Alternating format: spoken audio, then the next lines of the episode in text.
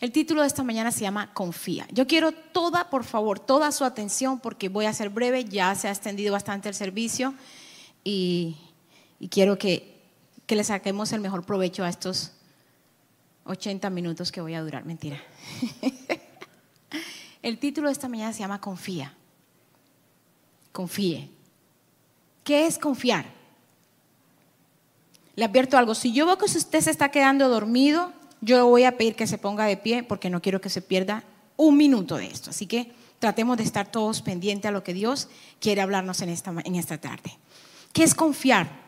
Es dejar una cosa o dejar algo al cuidado de alguien, especialmente en quien se tiene confianza. Cuando vamos a nivel de la palabra, o sabe que yo no puedo seguir sin antes hacer algo que no se me olvide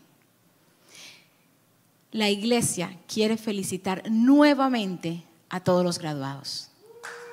A todos los graduados. Estamos muy orgullosos de ellos. Juan Elí, anoche se me fue inevitable que se me llenaran los ojos de lágrimas a ver a tus dos hijos graduarse. Tienes una cara de contento que no se puede comprar con un billete de 200 dólares. Dios fue fiel y seguirá haciendo grandes cosas en medio de tus hijos. Los trajo a esta tierra para que los veas crecer en fe, en templanza y en, prosperidad. ¿Lo creen conmigo todos ustedes? Amén. Jeramiel, Yane, ustedes tenían que ver la cara de Yane ayer. Tenía cara de arbolito de Navidad. Feliz. Sandra López, no me imagino cómo estará de feliz. Sebastián se nos graduó y los que se me olviden, pero de verdad que estamos muy, muy orgullosos. Pero ¿sabe qué? Cuando yo voy a una reunión de graduados, yo trato de, llevarle un detallito a la mamá del que se gradúa. Porque la mamá del que se gradúa de bachiller, desde prekinder está, vamos para el colegio, póngase los zapatos, haga la tarea, peínelos. En nuestros países se le pegan los piojos, revise de la cabeza. Domingo 9 de la noche, mami, mañana a las 6 de la mañana tengo que llevar un trabajo. Y la papelería ya está cerrada. ¿Quiénes estuvimos allí? Levante la mano. ¿Quiénes estuvimos allí? Entonces, los niños que hoy vemos graduarse y las mujeres que nos vemos, las mamás estuvimos desde el prekinder. Así que la mamá es digna de felicitar cuando se le gradúa un hijo. Y el papá también. Pero las mamás hacemos un trabajito extra. La lonchera, el vestido de ballet. Y de ahí para abajo usted sabe. Yo quiero devolver esto porque esto aquí se está moviendo y se me va a derramar el agua. Muchas gracias. No nos distraigamos más. Cuando hablamos de confiar, estamos hablando de creer. Estamos hablando de fe. Mi Biblia y su Biblia habla de que la fe, ¿de qué es la fe? ¿Qué, dice Hebreos 11.1?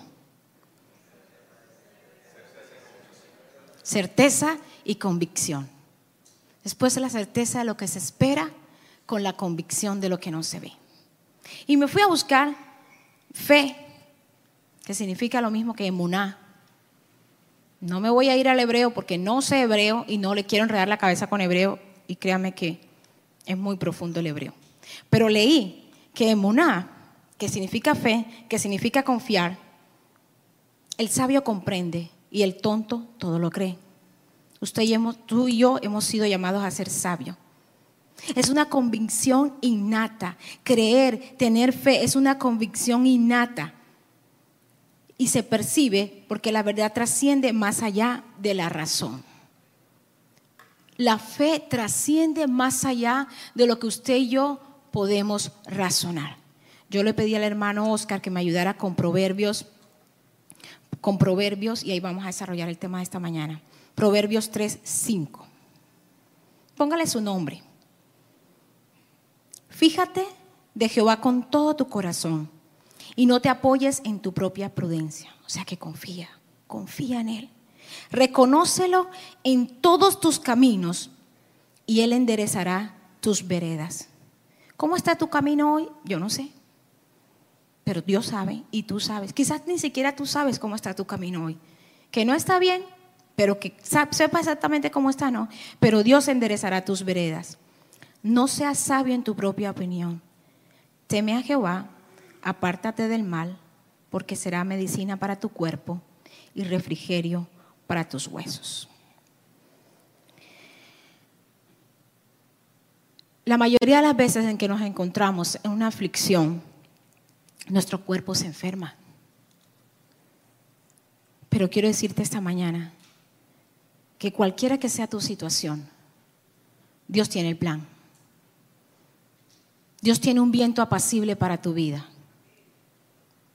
Dios tiene un viento para esta nueva temporada de tu vida. Cualquiera que sea la situación en la que te encuentres, el Señor ya tiene un plan.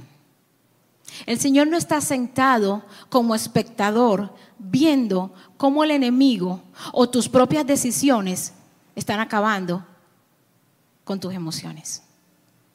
Dios, en medio del torbellino de nuestras vidas, Él se aparece como un viento apacible y te deja saber que Él está presente. Y eso quiere hacer Dios en esta mañana en tu vida. Dejarte saber que Él no está como un espectador. Él está allí cuidándote. Él está rodeándote. Él está creando un camino para el cual camines y no te equivoques. Él cuidará que no te apartes de ese camino. Él pondrá personas. Dios tiene un tiempo, tiene lugar, tiene personas, tiene recursos, tiene advertencia, tiene al Espíritu Santo que te rodeará cada día de tu vida para que camines en el plan de bien que Él tiene para ti.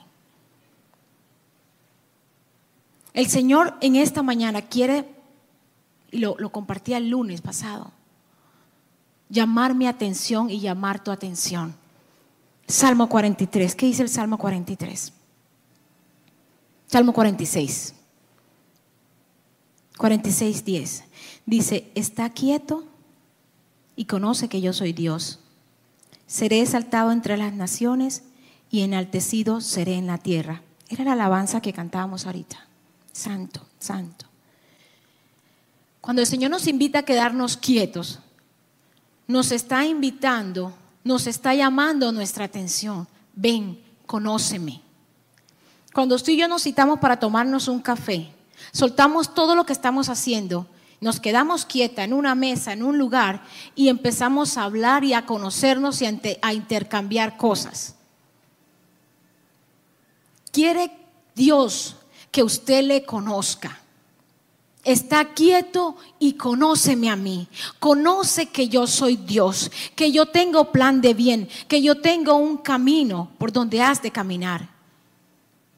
La ventaja de conocer a Dios es que entre usted y yo conocemos más a Dios, más nos conocemos a nosotros mismos, porque fuimos creados a imagen y semejanza de Dios. Entonces, cuando el Señor en esta mañana nos invita a confiar, a confiar, a creerle, Él quiere que usted viva esa fe que va más allá de la razón, que va más allá de tus recursos, que va más allá de tus planes aún que va más allá de tu propia situación. Lo vimos en Job. La situación de Job era mucho más precaria de lo que quizás usted y yo hayamos vivido. Pero él seguía creyéndole a Dios. Pero ¿qué pasó?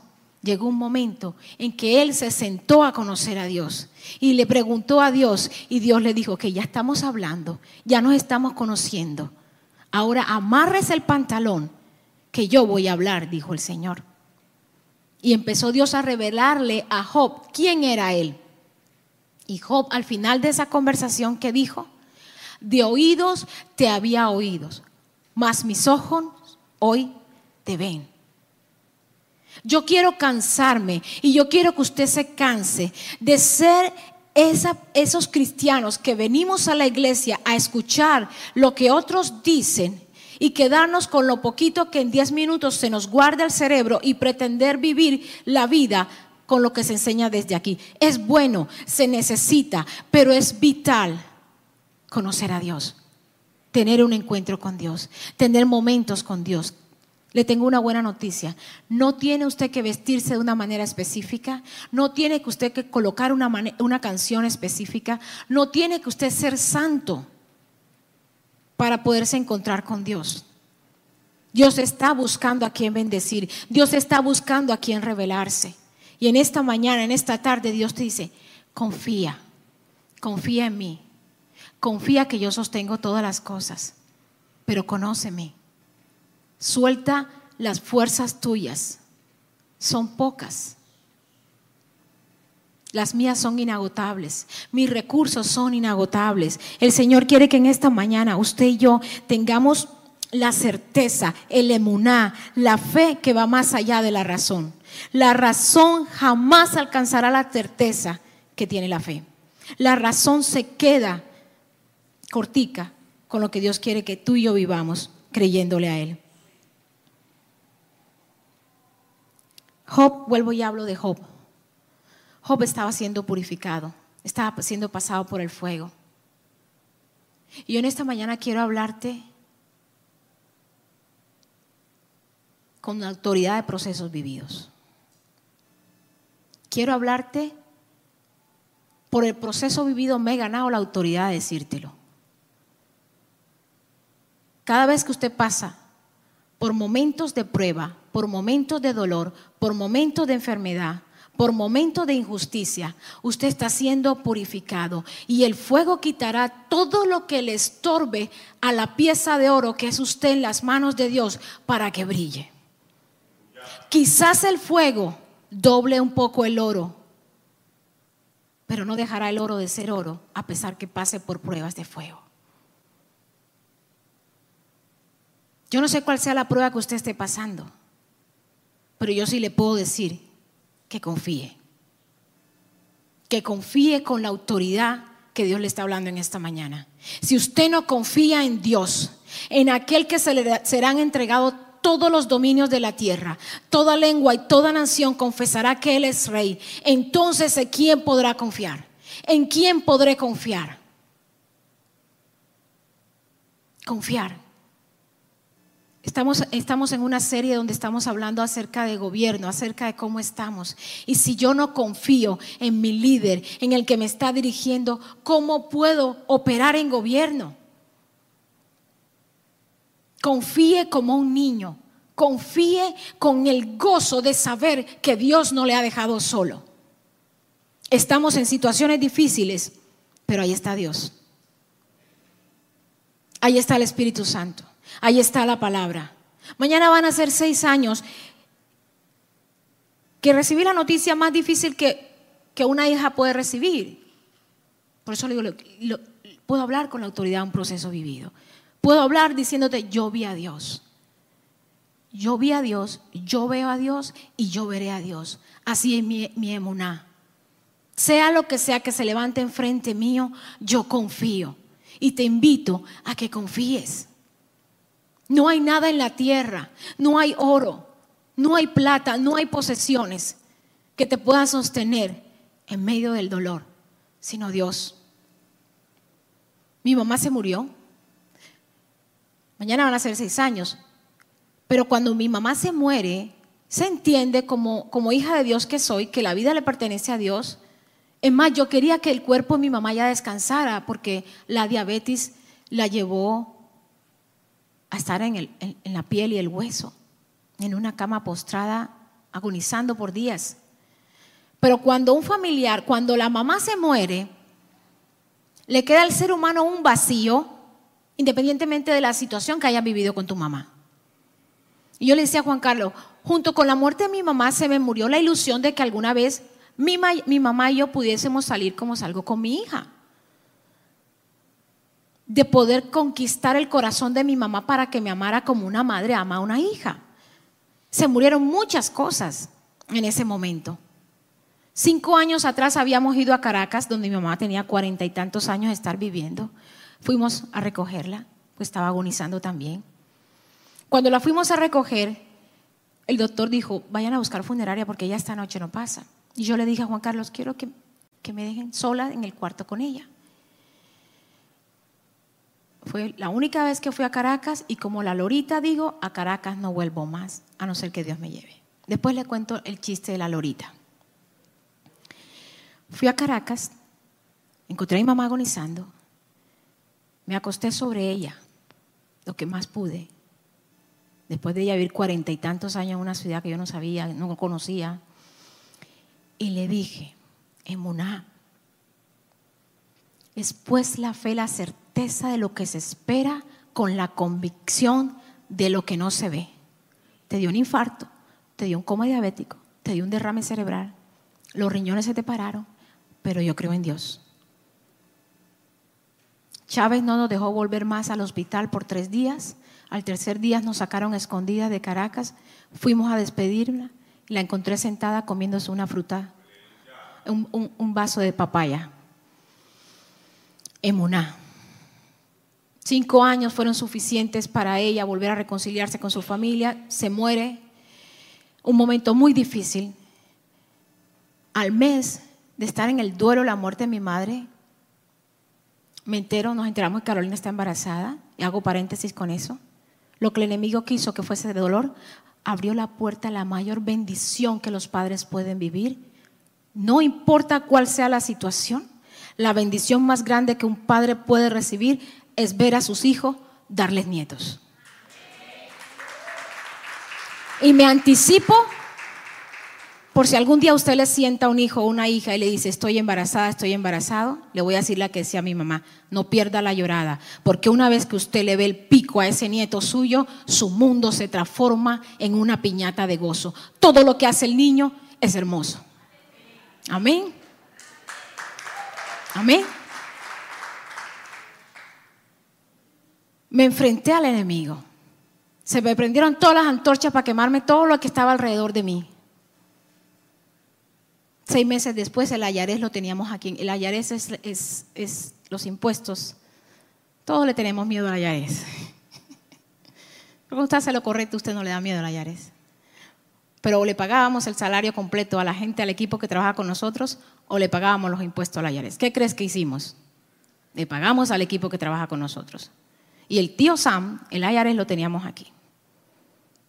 Era una cosa que nos estaba volviendo locos. Y usted nos veía aquí bien. Manténgase bien. Siempre que pueda, manténgase bien. A veces que estamos así, pero por dentro estamos llorando, estamos llorando hacia adentro. Pero tenga la gallardía de tener el control de sus emociones. No es que sea hipócrita, pórtese bien, acuérdese quién es usted. Usted es una hija de Dios, usted un hijo de Dios. ¿Usted en el 2018 sabía que el Ayares estaba que me cerraba el negocio? No, allá yo las vi más de ustedes comiendo felices y yo con ustedes. ¿De dónde se lavaba la gallina a los pies si no había para beber? Pero ahí estuvimos y le creímos a Dios. 2017-2018 fue un año fue un año terrible, no para mí, no para mi familia, terrible para el enemigo, porque él pensó que podía hacer daño a aquel el cual Dios tiene planes de bien y no de mal, para darnos el fruto que esperamos. Entonces yo hoy puedo decirte con la autoridad de procesos vividos, yo confié, confío y confiaré más allá de lo que mi razón pueda decir más allá de lo que la Yarés pudiera decir, más allá de lo que algunos en la iglesia pudieron decir, porque la hija de los que sirven en la iglesia salió embarazada sin casarse, porque mi madre no la vi operando como la madre que quise, más allá de mi razón. Cuando razono me duele, pero ¿por qué no mi mamá? Pero es que yo quise. No le pude dar los papeles para traerla para acá. No pude viajar más con ella por su enfermedad no conoció a mis nietos. La razón duele, pero cuando muevo mi pensamiento de la razón y me enfoco en lo que Dios dijo, me enfoco en emuná, que va más allá de lo que puedo razonar, entonces el gozo del Señor se vuelve mi fortaleza y usted me verá de gloria en gloria y de victoria en victoria de la mano de mi Señor, de la mano de aquel que todo lo puede, de la mano que me dijo, no tengas miedo. El que tiene emuná se atreve a decir unas cosas que para la razón son locura. Me decía Juan Carlos, ¿qué vamos a hacer con el Ayarés? ¿Qué vamos a hacer? No sé si nos alcanzaron a poner un link en, la cuenta, en, el crédito de él. Cuando usted en el negocio le ponen un link, no le fían ni un tomate, un embargo. Y le ¿sabe qué, amor? Como ya he vivido muchos procesos atrás, me volví, me puse el uniforme de la autoridad. Ahorita el hermano nos mostraba una, moneda que le dieron I'm talking about you. Um, como, como un, él es militar y le dieron una moneda. Bueno, así me puse yo mi uniforme de militar, de hija de Dios. Póngase el uniforme de hija de Dios, póngase, el, hombres, apriétense la correa de hijos de Dios enfrente del el enemigo. Y le dije yo a mi esposo, así vestida como hija de Dios, a mí el IRS me va a terminar pagando la deuda. Ya teníamos abogados contratados para que el IRS nos diera plazo para pagar de a poquito. Pero de la nada se me dio esa locura de pensar. Puede que creen alguna ley para que el gobierno me pague la deuda. Porque es que en el 2017 no pudimos pagar, pero en el 18 sí, y en el 19 también. Pero bendito Dios, vino una pandemia. Vino una pandemia. Porque el Señor dice, yo he creado al herrero, pero no se ha creado ninguna arma que pueda hacerte frente. Y la pandemia vino y se creó una ley que la IARES le pagaba a todos los que tuvieran los documentos al día y hubiesen pagado los últimos dos años sus impuestos al día. Me pagaron la deuda y me mandaron un señor cheque para que me fuera a pasear. Ese es mi Dios. Ese es mi Señor. Salió Carolina embarazada, salió Valerie embarazada, a los ocho meses volvió y salió Valerie embarazada, a los tres años volvió Valerie y salió embarazada. Dios va de gloria en gloria y de victoria en victoria. Y lo que Satanás quiso usar para hacernos daño se nos ha vuelto nuestro mayor gozo. Así que yo te invito en esta mañana a que te goces, que te goces, que confíes. Este gozo no me lo puede quitar el mundo porque Él no me lo dio, a mí me lo dio Emuná, a mí me lo dio el Señor. Las peleas, no voy a decir todas, pero las peleas que hemos tenido como pareja. Carmen Julia se ríe porque ella también ha peleado con Amílcar. Y usted también ha peleado con su marido. Y Senia con Oscar y, y Villa con Jessica y Talita no, ella no pelea. Él pelea contigo.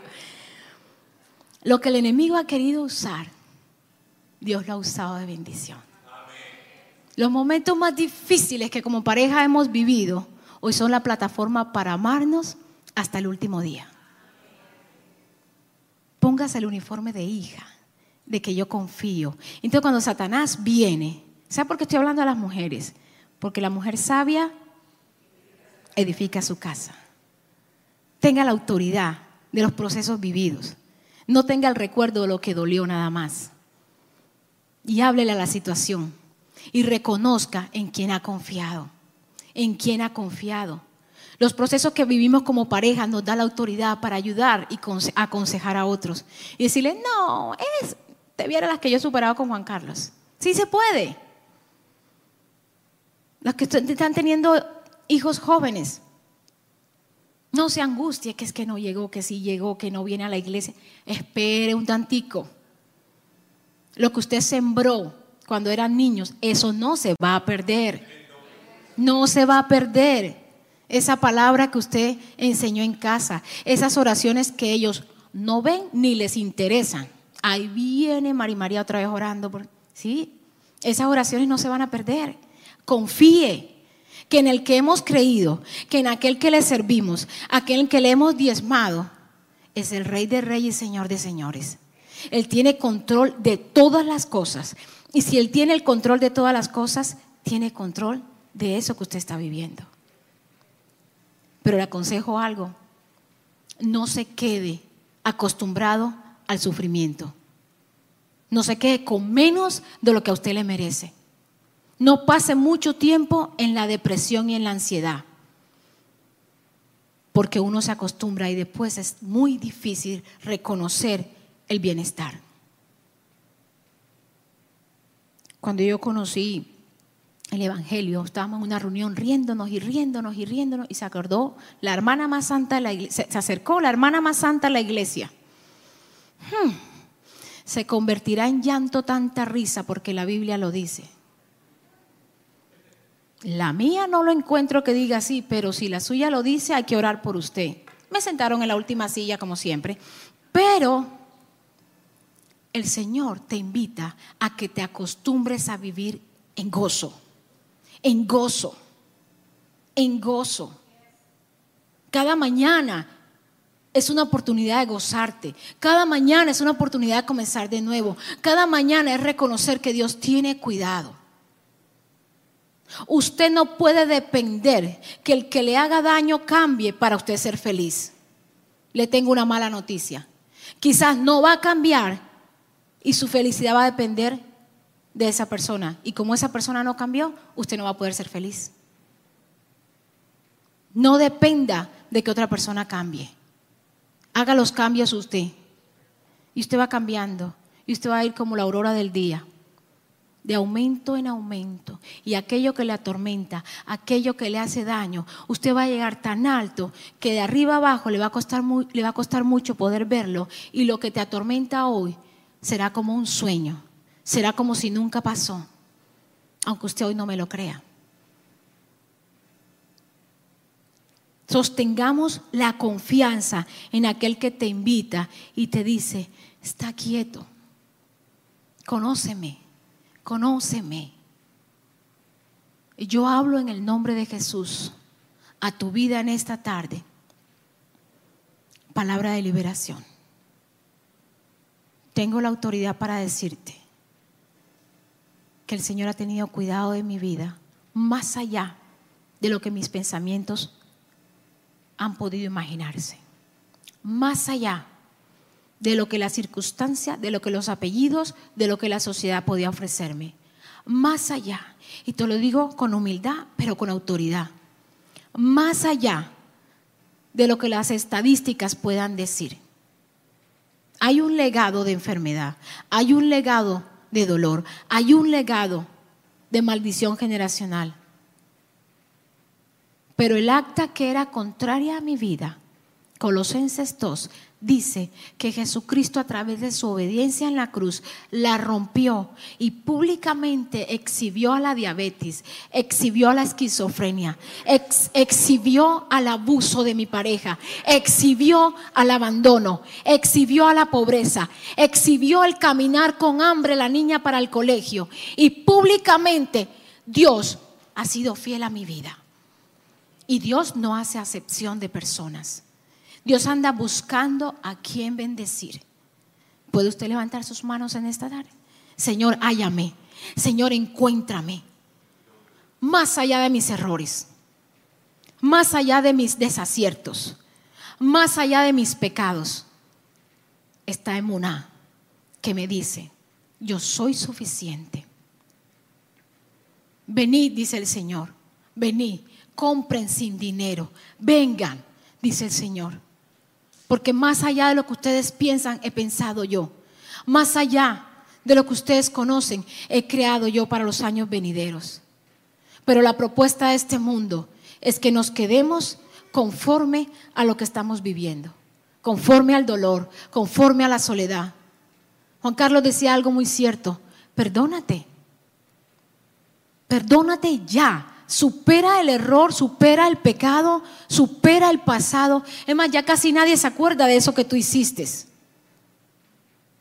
o lo que no hiciste. Y empieza a vivir como Dios te ve, como Dios me ve.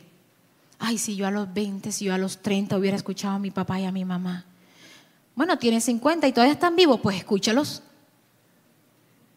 Porque que no lo escucha a los 30 y tiene 50 y tampoco escucha el cabezón, como decía el pastor esta mañana.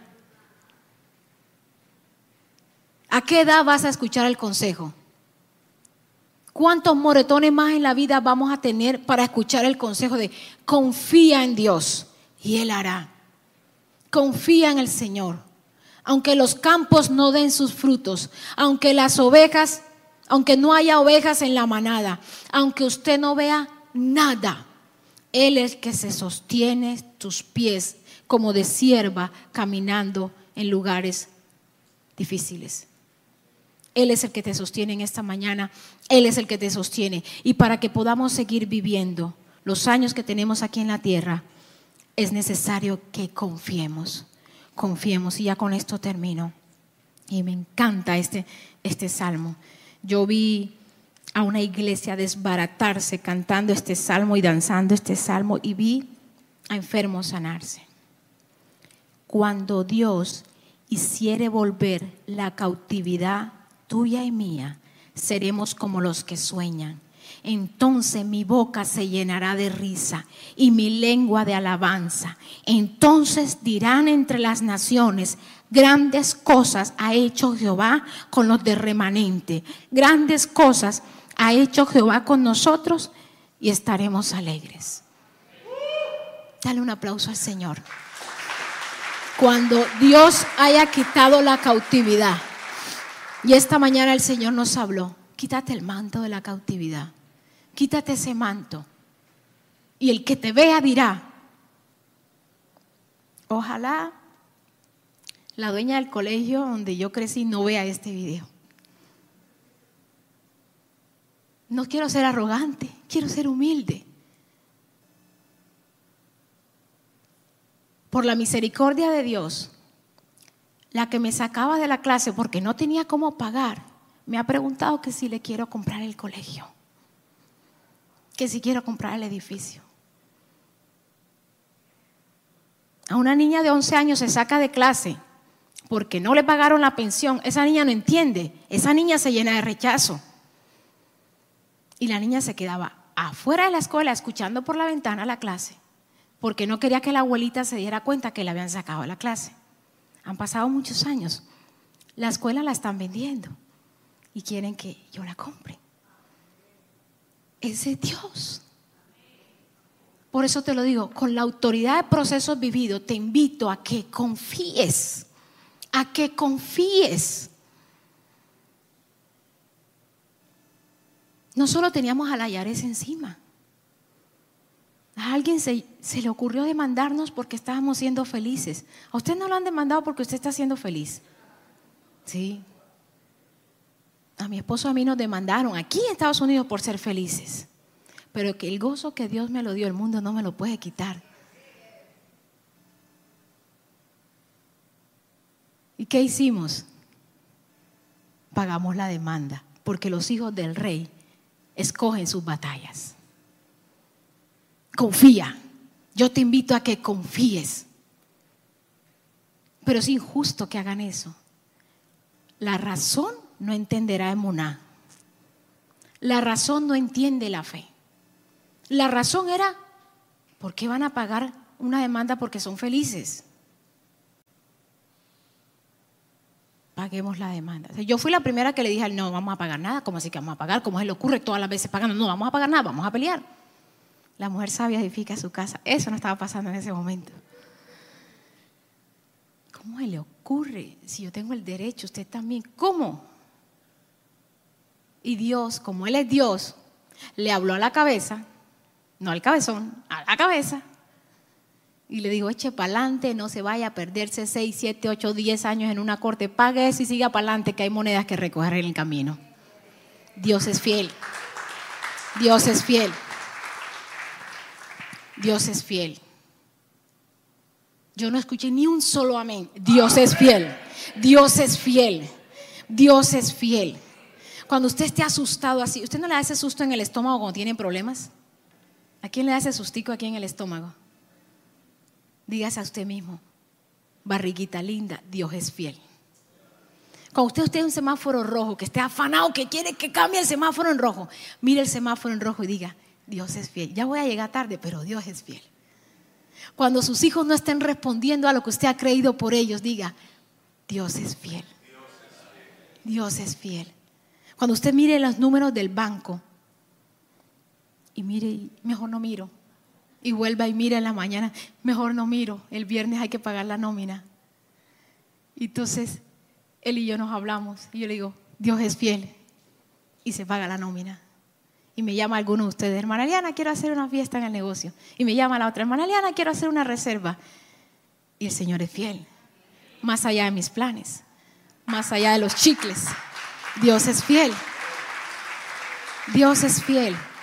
Yo quise traerte esta palabra de confía, Primero porque me sentí con la autoridad de contar el proceso, pero segundo, para traerte esperanza de parte de Dios.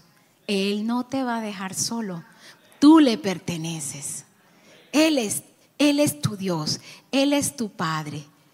Piense lo más preciado que usted tiene. Ya yo no sé si escoger entre mis nietos o mis hijos, ya me cuesta. Si usted no ha tenido nietos, pídale a Dios que le dé nietos. Pídale a Dios, Señor, yo quiero tener nietos. Usted va a saber, oh, después nos vamos a tomar un café. Si a usted le dijera, dame a tus hijos, dame a tus nietos para salvar el mundo, yo creo que no podemos. Pues Dios dijo, mira, te amo tanto, quisiera poner, nombrarlos a todos a ustedes. Nancy, te amo tanto que voy a dar a Jesús en la cruz. Van a hacer lo más injusto que puedan hacer con un ser humano pero para darte vida eterna, para darte salud, para darte liberación, para darte gozo, para darte restauración, para darte esperanza, para darte un día nuevo, para darte templanza, para darte amor, para cubrirte de gloria, para abrir camino donde crees que no hay, para poner gente que tú nunca has conocido, para que veas a Dios. Para eso voy a entregar a mi hijo. Y el Señor lo hizo. Entonces, ¿de qué usted y yo tenemos miedo? ¿De qué? Para cuando andes un camino equivocado, yo mando al, que te redarguya, a tu ayudador, y te diga, cabezón, cabezona, por ahí no es, devuélvete, devuélvete. Y si usted no se sabe devolver, busque a alguien que le ayude a devolverse. Padre, en el nombre de Jesús, yo en esta mañana hablo en Muná sobre estas familias. Liliana Rodríguez, yo hablo en Muná para ti y para los tuyos. En el nombre de Jesús. Yo declaro que la luz de Cristo alumbra tu vida. Que lo que fue una sentencia de muerte del enemigo, hoy es una esperanza de vida. Yo declaro salud divina para tus huesos. Yo declaro liberación para tu hogar. Yo declaro restauración. En el nombre de Jesús yo declaro que lo que se comió el, el enemigo se te ha devuelto más de siete veces que por un camino vendrán en contra ti, pero por Dios, por, por diez saldrán huyendo. Que serás conocida como los que se alegran en Jehová. Que serás conocida por la misericordia y la bienaventuranza de aquel que te amó a tal manera que dio a su Hijo por ti. ¿Cuántos lo creen conmigo? Ponte de pie y oramos. Padre, te doy gracias. Gracias por tu palabra. Gracias por el emuna. Y si usted no tiene fe, pídala a Dios. A Dios, a todos se nos dio una medida de fe, pero no todos la usamos. Dile, Señor, enséñame a usar la fe que me diste. Señor, en el nombre de Jesús, enséñame a ver más allá de lo que me has dado, a ver más allá de lo que mis ojos puedan entender, a ver más allá de la razón. En el nombre de Jesús, yo declaro liberación para tu entendimiento para que recibas esta palabra, para que recibas emuná, para que recibas fe. Se activa la fe en cada uno de nosotros y empieza el gozo a llenar nuestra vida. Levanta tus brazos y recibe gozo. Gozo en el nombre de Jesús. Gozo para los días venideros. Gozo para los años venideros. Gozo Gozo para disfrutar cuando llueve y cuando no llueve. Cuando hace frío y cuando hace calor. Gozo cuando hay y cuando no hay. Gozo cuando te señalan o cuando te aplauden. Gozo más allá de tu razonamiento. En el nombre de Jesús. Padre, gracias te doy por esta comunidad. Gracias por tu palabra. Y yo declaro que es una semana de bendición, una semana de transformación. Vete en paz y recibe de Dios sanidad divina.